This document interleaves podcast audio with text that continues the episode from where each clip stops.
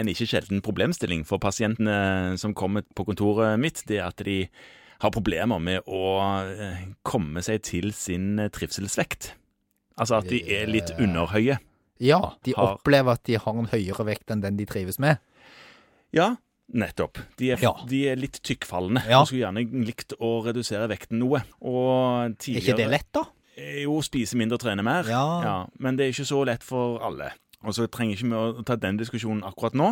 For det, det jeg har lyst til å snakke om, det er medisiner. Jeg hadde en som brukte Senikal. Ja, det er jo en av de gamle. Ja. Og det gikk jo ikke bra. Han la om Nei. kosten. Det, det er jo en fettblokker. Den Det er har en vært på fettblokker, markedet siden før vi begynte å studere omtrent. Ja, Ja. Men altså, han la jo om Han begynte jo å spise nesten fettfri kost. Ja. Og da hjalp jo Senikal null niks. ja, hvis du erstatter fettet med sukker, så klarer du jo fint å holde vekten. Ja, han klarte veldig fint å holde vekten. Ja. Ikke bare det, han gikk opp. Ja. Ja. F- Vi hadde òg noe som heter reduktil. Ja.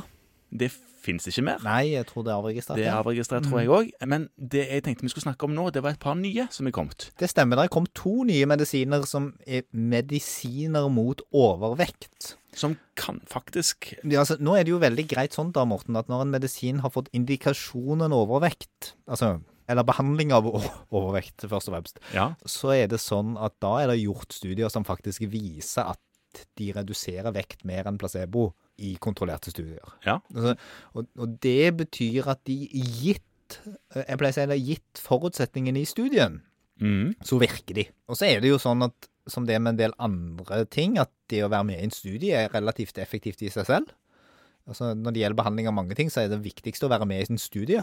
Mhm. Eh, Men de har altså en bedre effekt enn placebo. Da har det kommet to stykker, og det ene er en eh, tablett som skal prøve å redusere appetitt i all hovedsak. Det består av gamle stoffer, sånn sett. Men hvis det reduserer appetitt, det er sentraltvirkende, Ja, da. sentraltverken, ja, som består av naltrekson og brupropion. Naltrekson, ja. Den, Mm. den har vi jo hatt eh, innom noen ganger. Mm, Den har det vært diskusjoner på før. Den brukes jo nå lavdosert til noen for tretthet ved kronisk trøtthetssyndrom. Ja. Ha, har jo hatt litt som forskjellige bruksområder. Det er Den som heter LDN, lavdosert naltrekson. Ja. Mhm. Men denne her i kombinasjon, altså, som skal redusere sultfølelsen. ja. Og der er det sånn at indikasjonen da er at du har en BMI over 30, Ja. eller mellom 27 og 30, samt én eller flere vektrelaterte risikofaktorer. Hva kan det være? Det er jo det som er greit, da. For det er f.eks. diabetes type 2, Ja. dyslipidemi Mhm. eller eh, kontrollert hypertensjon. Ok, så da, hvis du har en av de tre der, så kan du ha en BMI ned til 27? Ja. Ok. Og da begynner du å favne bredt. Ja, ja, du gjør jo det. Altså, det er, vel, altså, der er relativt mange av de pasientene som har en eh, BMI over 27, som også vil ha en av disse risikofaktorene. Ja, og hva er en dyslipidemi? Det er vel heller Det kan jo også kanskje være litt sånn Det begynner jo å Rund. bli en egen podkast, gjør det ikke det? Jo, det gjør jo det. Ja. Men, Så det men denne medisinen da, da sånn gjør, det er at ja, nå vet vi ikke helt hva den gjør. Nei, men Nei. han gjør noe med termostaten i hodet når det gjelder Den matinntak. gjør antageligvis noe med termostaten i hodet i forhold til mat, og de ser da ut til å gå ned i vekt. Ja, over så dette. flott, da, siden Ja. det var det som var poenget. Det er fint. Ja. Eh, Men det som er viktig, er at hvis de ikke har mista 5 av innledende kroppsvekt etter fire måneders behandling, så bør man slutte. Det er, det er ikke noen grunn til å fortsette da. Nei. Og, og det vil si at hvis du er, for å ta et tall som vi enkle fastleger klarer å regne med, 100 kilo når du starter, så skal du da etter fire måneder på dette være gått ned fem kilo. Ja, og det, Denne her medisinen skal, opptre, altså den skal trappes opp i starten. Den skal trappes opp i starten, så Ja. en veldig fin opptrapping på, inne på felleskatalogen. Ja. Og så bør man jo da følge opp med jevnlige kontroller. Så står det at den skal revurderes årlig hvis du har behandla utover 16 uker og har hatt effekt av det. Greit. Det er jo en tekst som står der fordi vi ikke skal bruke dette inn i evigheten, men, men det, jeg tenker det er en grei påminnelse jeg, om at når du har folk stående på faste medisiner, så bør du kanskje ta en kontroll av og til. Enig i det. Ja. Men det var den ene medisinen. Du sa det var to. Ja, den andre som er kommet på markedet nå, det er en GLP-1-analog. Det er jo en diabetesmedisin. Det er en diabetesmedisin. Det er et sånt inkretinlignende peptid. Nettopp. Og den brukes også som en diabetesmedisin, men har nå vært gjort studier på pasienter uten diabetes som er overvektig. Den har jo ingenting sentraltvirkende ved seg, den virker perifert. Den virker perifert. Mhm. Den virker eh, ved å påvirke magesekken. Ja. Men så virker den òg til en viss grad sentral, fordi vi vet at disse inkretinene er involvert i noen sånne feedback-mekanismer som gjør at vi føler oss mette. Sånn var det, ja. Og Så selv om den primære virkningen er perifer, så, så er den også til en viss grad sentralt virkende. Og der er indikasjonsstillingen egentlig lik, bortsett fra at de har utvidet den der vektrelaterte komorbiditetslisten sin litt. Og ja, Så det er flere tilstander som godkjennes ved lavere BMI?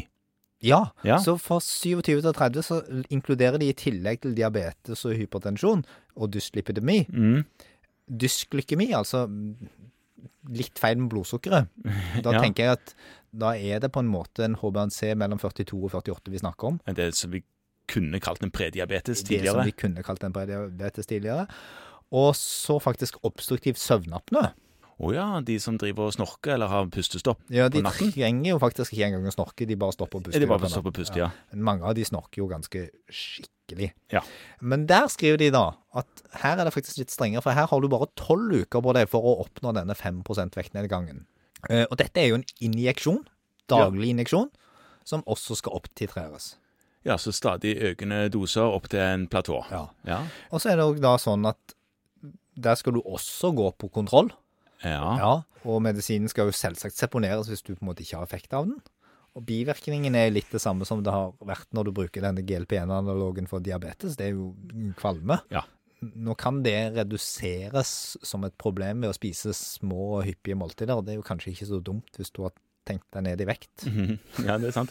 Og, og samtidig så er det jo òg sånn eh, for diabetikerne som får kvalme, så reduserer vi jo noen ganger dosen. Og hvis Ja. det har en effekt òg på fedmeproblematikken, så går vel det an òg å gjøre her. Det, der er du selvsagt fri til å dosere hvis du får store bivirkninger. og På opptitreringen din så vil det være anbefalt å ta det litt rolig. Ja.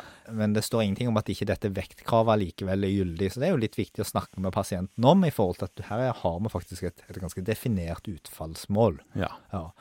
Eh, Ingen av disse er selvsagt på blå resept, eller selvsagt og selvsagt, det er de ikke. Vi har ikke hørt noen ting om at det kommer. Men denne GLP-1-analogen, som da, den- da er liraglutid, som er godkjent, den gis da også i dobbel dose av det den vanligvis gjør som diabetesmedisin, så en høyere dosering. ja. Kan man også tenke at gir noe mer bivirkninger? Kan være. Ja. Og de får iallfall ikke diabetes, disse her. Eh, Nei, da, da må de jo gjøre mye feil.